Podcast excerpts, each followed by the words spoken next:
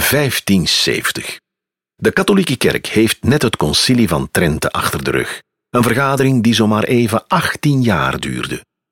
De kerkleiders besluiten onder meer dat er nieuwe gebedenboeken moeten komen, een nieuwe liturgie en ook nieuwe regels in de kerk.